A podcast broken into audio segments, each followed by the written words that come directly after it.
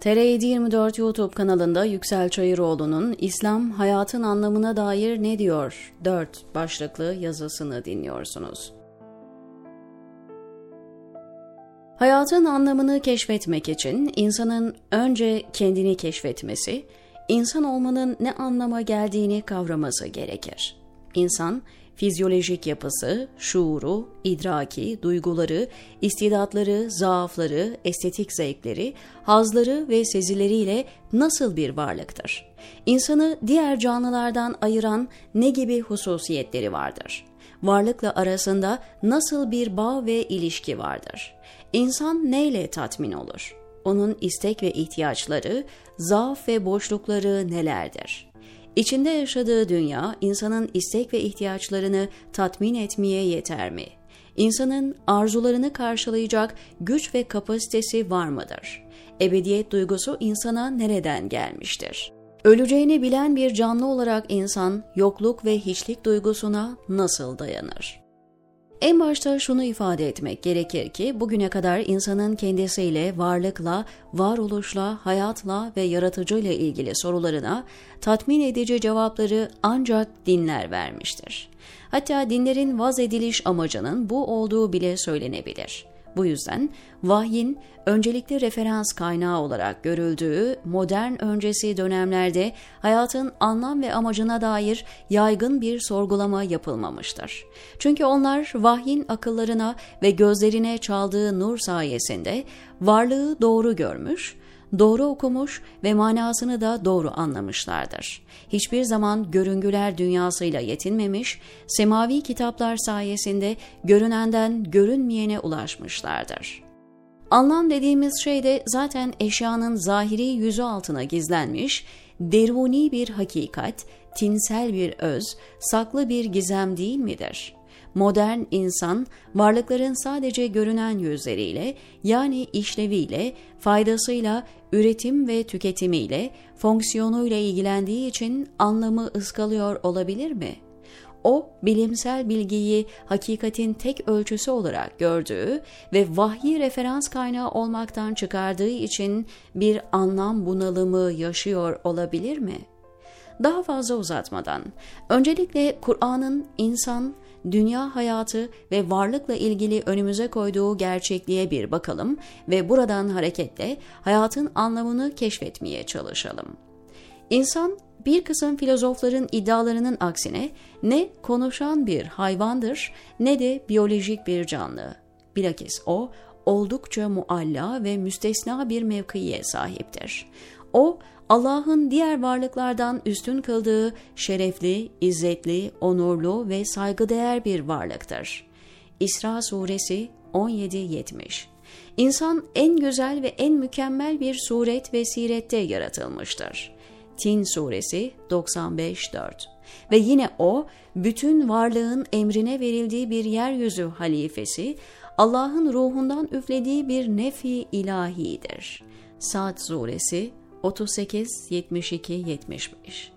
Onun bu mualla mevkiinden dolayıdır ki ilk yaratıldığında melekler bile kendisine secde etmekle emrolunmuştur. Bakara suresi 2, 34. Kur'an'ın ısrarla ve tekrarla üzerinde durduğu konulardan biri, yaratılışta ve varlıkta bir boşluğun ve abesliğin olmadığı, her şeyin yerinde hikmetle ve bir gayeye yönelik yaratıldığıdır. Şu tür ayetler pek çok yerde tekrar edilir. Biz yeri, göğü ve ikisi arasındakileri gereksiz yere yaratmadık. Sad suresi 38-27 Biz gökleri, yeri ve bu ikisinin aralarında bulunan varlıkları elbette boşuna değil, gerçek bir gaye ve hikmetle yarattık.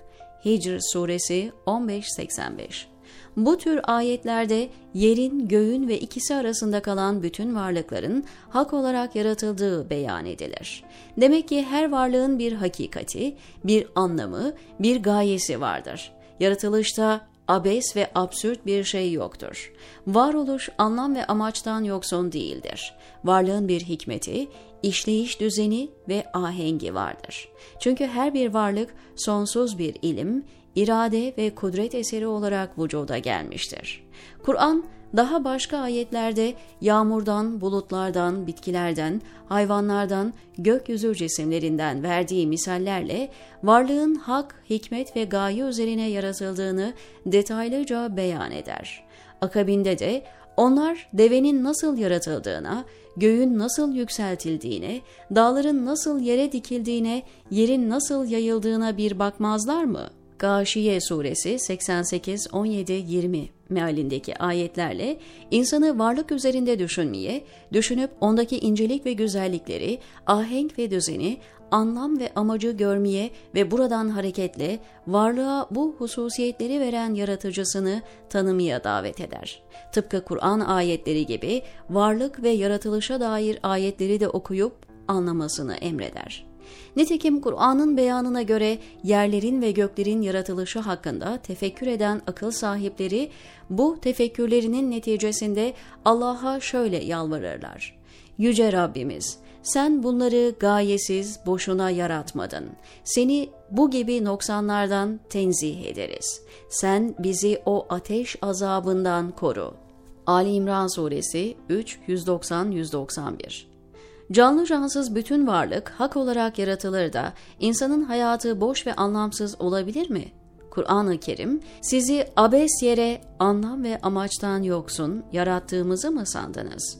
Müminin Suresi 23-115 sorusuyla istifham-ı inkari durumunun hiç de sanıldığı gibi olmadığını ifade eder. İnsan başıboş bırakılacağını mı sanır? Kıyamet Suresi 75-36 sorusuyla insanın bu dünyaya gönderilmesinin bir anlam ve amacı olduğuna işaret eder. Başka ayetlerde ise insanın yaratılış amacını şöyle özetler. Hanginizin daha güzel iş ortaya koyacağını denemek için ölümü ve hayatı yaratan O'dur. Mülk Suresi 67-2 Ben insanları ve cinleri ancak bana kulluk etsinler diye yarattım. Zariyat Suresi 51-56 Hayatın anlamını kavramak biraz da insanın içinde neşet ettiği ve ömür sürdüğü dünyanın mahiyetini kavramaya bağlıdır ki, Kur'an'ın en çok üzerinde durduğu konulardan biri de budur. Kur'an, dünya hayatının oldukça güzel, çekici, cezbedici ve tatlı olduğu üzerinde durur. Bu yüzden o, aldatıcıdır. Niceleri onun cazibesine kapılıp gitmiş, bilerek ve isteyerek dünyayı ahirete tercih etmiş ve asıl vazifelerini unutmuştur.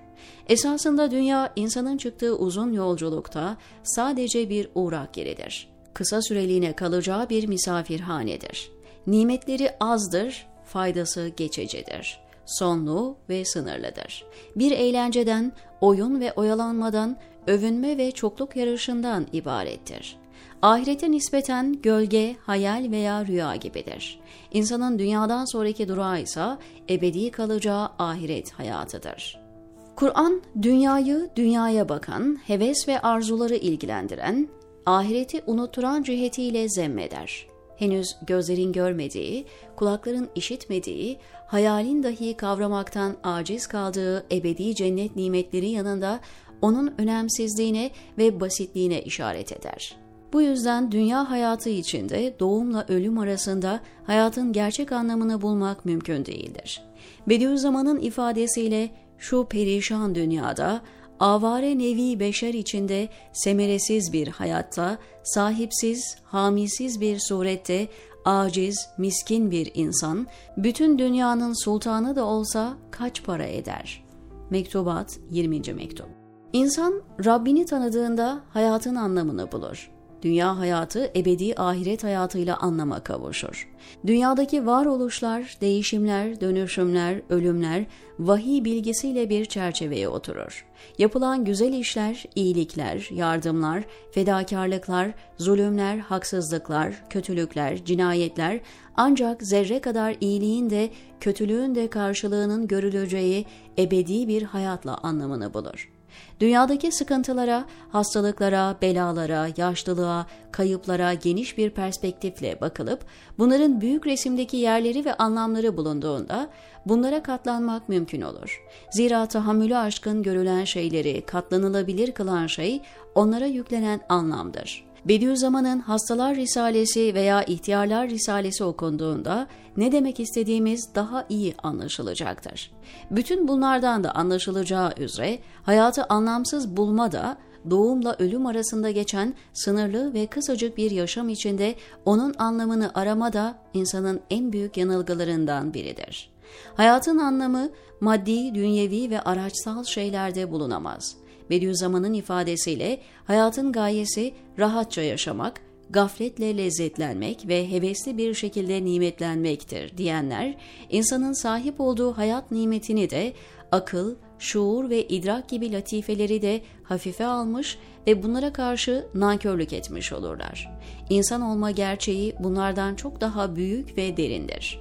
Bazıları anlamı kendisinin inşa edeceğini düşünebilir ve önüne koyduğu öznel hedeflerde anlam bulmaya çalışabilir.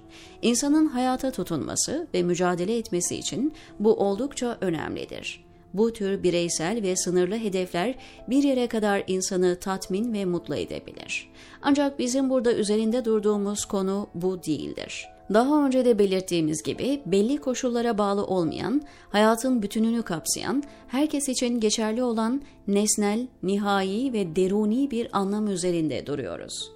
Hülasa-i kelam tek kelimeyle hayatın anlamını ifade etmek kolay değildir. Kur'an'ın konuyla ilgili beyanlarından anlaşılan o ki, hayatın anlam ve amacı zorunlu bir şekilde kul olarak yaratılan insanın, iradi ve gönüllü olarak da bu kulluğun şuuruna ve sorumluluğuna varabilmesinde gizlidir. Buradan hareketle konuyu biraz daha açarak, Kur'an'da onlarca kez emredildiğine göre demek ki hayatın anlamı iman ve salih ameldir veya düşünce ve aksiyondur diyebiliriz. Üstelik takva ile olduğuna göre hayatın amacını takvada görebiliriz. Cibril hadisinden hareketle hayatın anlamını iman, İslam ve ihsan kavramlarıyla özetleyebiliriz. Bediüzzaman'ın ifadesiyle meseleyi imanı billah, marifetullah, muhabbetullah ve ruhani zevkle bağlayabiliriz. Bazı sufilerin yaklaşımıyla hayatın anlamını Rabbe ibadet etmek ve varlığa şefkat göstermek şeklinde iki maddede hülasa edebiliriz. Hayatın anlamı ilahi ahlakla bezenmek ve Allah'ın isimlerine en güzel bir tarzda ayna olabilmektir diyebiliriz. Hayatın anlam ve amacını insanı kamil olma ufkunu yakalamada arayabiliriz. Hayatın anlamı, insan, hayat, varlık ve Allah arasında ahenkli bir ilişki kurabilmektir desek, bu da doğru olur. Hatta bunların yanı sıra meseleyi şükretmeye, kulluk imtihanını kazanmaya, ölümsüz bir hayata kavuşmaya, Allah rızasını elde etmeye veya ilahi kelimetullah davasına sahip çıkmaya da bağlayabiliriz. Bunların hepsi doğrudur ve hepsi de aynı mana ve mefhum etrafında toplanır. Burada akıllara şu soru gelebilir. Peki dünya ve dünyaya ait meşgaleler işin neresindedir? Hayatın anlamına bu şekilde yaklaşmak dünyayı boşlamamıza sebep olmaz mı? Esasen hayatın anlamı olarak gösterilebilecek şeylerden biri de dünya ve ahiret dengesini kurmaktır. İmam Gazali, ahiretin nizamının dünyanın nizamıyla sağlanacağını ifade etmiştir. Dünyası perişan, tembel ve miskin bir insanın hayatın anlamını bulması da buna göre bir hayat yaşaması da mümkün değildir. Bediüzzaman Hazretleri de dünyanın kesben değil, kalben terk edileceğini hatırlatmıştır. Yani insan çalışma, üretme, kariyer yapma, başarılı olma, aile kurma vesaire adına yapılması gereken şeyleri güzelce yapmalı ama bunları birer vesile olarak görmeli ve ahiret adına değerlendirmelidir. Dünyadaki yerini ve sorumluluklarını bilen, yaratılış gayesinin şuurunda olan ve hayatın gerçek anlamını kavrayan bir kişi, nefsin bencilce dürtü ve arzularından kurtulacak ve dünya hayatını daha anlamlı, daha şuurlu, daha huzurlu ve daha tatminkar yaşayacaktır. İnsan olmanın sırrı ve hakikati de burada yatmaktadır, diyor Yüksel Çayıroğlu TR724'deki köşesinde.